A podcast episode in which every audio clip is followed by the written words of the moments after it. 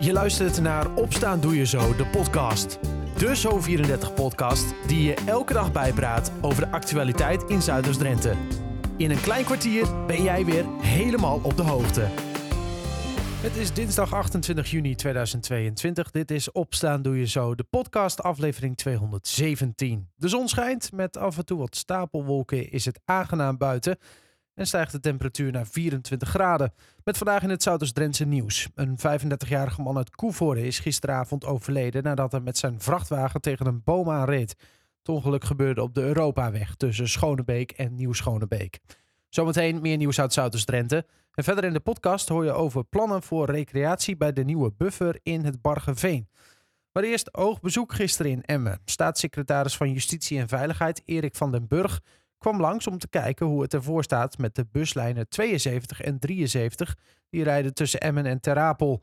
Al jaren vormen de lijnen problemen en zorgt het voor stress bij buschauffeurs die zich onveilig voelen door incidenten met asielzoekers. Inmiddels zijn er in de afgelopen jaren al veel maatregelen genomen. Maar de buschauffeurs willen dat de maatregelen die genomen zijn structureel worden gemaakt. Ze pleiten voor een convenant waarin de afspraken worden vastgelegd. Deze boodschap hebben ze ook overgebracht aan de staatssecretaris. Buschauffeur Dirk Visser legt uit wat er daarnaast nog moet veranderen. Uh, er liggen nog wel een paar puntjes, eh, zoals uh, genoemd. Na 12 uur zijn de BOA's vertrokken. voor de pendelbuschauffeur is dat wel heel erg beroerd, want die staat er alleen voor. En, en mensen gaan er op een gegeven moment beten. En dan komen ze na 12 uur ook op het station.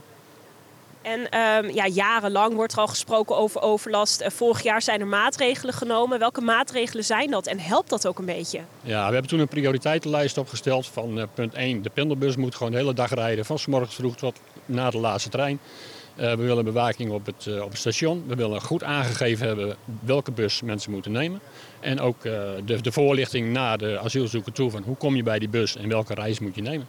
Nou, die maatregelen, zes van die maatregelen van de zeven zijn gehonoreerd inmiddels. De laatste ligt op de plank. En dat heeft als eh, gevolg dat wij gewoon een stuk minder eh, overlast hebben. U doet nu iets relaxter uw werk? Ja, zeker. Ik denk dat uh, echt een gevoel van, uh, van veiligheid stond bij ons echt op een nul niveau.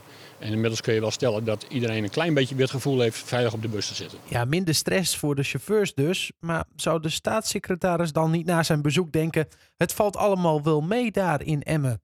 Daarover FNV-bestuurder Edwin Kuiper. Aan ons om, om, te, om dat inderdaad ten eerste over te brengen. Ten tweede om te zorgen, en dat hebben we altijd bepleit, om structurele maatregelen. Dus dat deze maatregelen ook over eh, twee, drie, vier of vijf jaar hè, desgewenst er nog zijn. Ja. dus eigenlijk pleiten jullie voor een ja, soort contract op papier, een overeenkomst? Ja, ja, iets waar je op terug kunt vallen. Hè, dat op het moment dat er een andere vakbondsbestuurder is, of een andere staatssecretaris, of andere chauffeurs uh, zijn, hè, dat je dan kunt zeggen van nou, hey, dit zijn de afspraken die we in 2022 hebben gemaakt.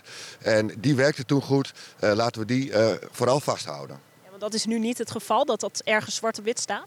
Nee, nu, nu nog niet. Hè. En wij zijn vorig jaar begonnen met actievoeren. Dat was ook ons pleidooi. Ten eerste, luister alsjeblieft eens een keer naar buschauffeurs. In plaats van met iedereen, behalve buschauffeurs. En voor structurele maatregelen. Nou, de eerste stap is gezet. Vorig jaar is de staatssecretaris geweest om in gesprek te gaan met de buschauffeurs. Tweede stap is structurele maatregelen. En daar zijn we nu druk mee bezig structurele maatregelen, waar moeten we aan denken? Want zijn dit niet maatregelen die eigenlijk symptomen bestrijden? Precies, hè? dus de, de, de, kunst voor ons is om ze structureel te maken. We zien uh, dat de pendelbus uh, nu langer ingezet gaat worden. Sterker nog, er komt een aanbesteding.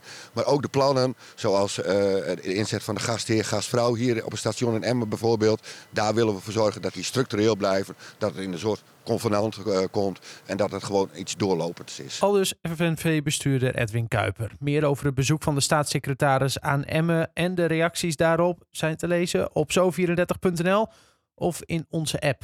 Zometeen in de podcast hoor je over plannen voor recreatie nabij de nieuwe buffer in het Bargeveen.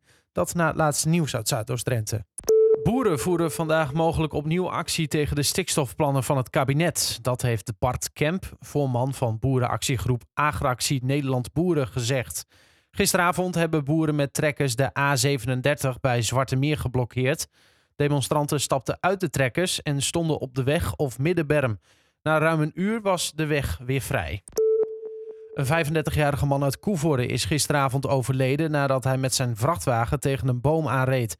Het ongeluk gebeurde op de Europaweg tussen Schonebeek en Nieuw-Schonebeek. Het slachtoffer raakte bekneld en moest door de hulpdiensten bevrijd worden. maar hij overleed ter plekke aan zijn verwondingen. Er was ook een personenwagen bij het ongeluk betrokken. De bestuurder daarvan moest voor controle naar het ziekenhuis. De politie doet onderzoek naar de oorzaak van het ongeval. En er heerst onrust onder de ouders van leerlingen op het Honsrug College in Emmen. Onlangs zou een jongen zwaar gewond zijn geraakt na een uit de hand gelopen vechtpartij. Een filmpje van het gevecht ging rond via verschillende chatgroepen. Volgens de directeur van het Honsrug College was het een naar incident, maar is de jongen niet zwaar gewond geraakt. In samenspraak met ouders en de politie zal de school wel maatregelen treffen om herhaling te voorkomen. Tot zover het laatste nieuws uit de regio. Voor meer ga je naar zo34.nl of je kijkt in onze app. De nog aan te leggen nieuwe waterbuffer langs de zuidrand van het Bargeveen gaat ruimte bieden aan diverse vormen van recreatie. In de Zuidwesthoek langs de Kerkenweg bij Nieuw-Schonebeek wordt anderhalve hectare beschikbaar gesteld voor dat soort initiatieven. Gisteravond werden die plannen gepresenteerd.